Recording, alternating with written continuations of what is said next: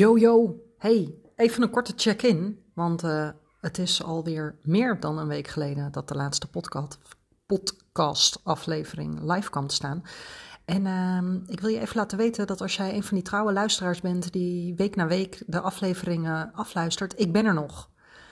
Ik zit alleen in die magische stilte voor de storm. Het gezegde klopt precies, maar storm klinkt vervelend en dat is het niet. Ik ben, uh, als je me al een tijdje volgt, al maanden bezig in, met het maken van de shift naar het nieuwe tijdsondernemen. Um, voor mijn klanten, maar natuurlijk ook voor mezelf. En um, dat uh, heeft maanden van verdragen, vertragen en vertrouwen met zich meegenomen. En ik voel hem.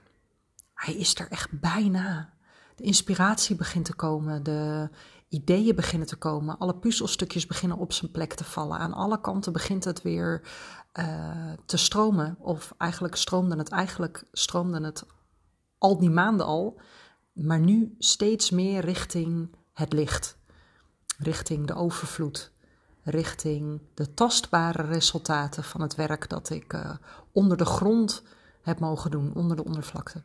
En uh, het voelt heel goed. Ik ben er nog niet helemaal.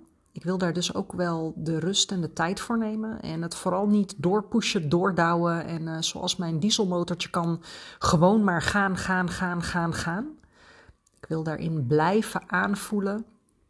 Een sacraal blijven vragen of dit voor mij klopt of niet. En of de timing nu juist is of niet. En um, ik ben ermee bezig, achter de schermen. Dus uh, ik dacht, ik laat heel even kort iets van me horen.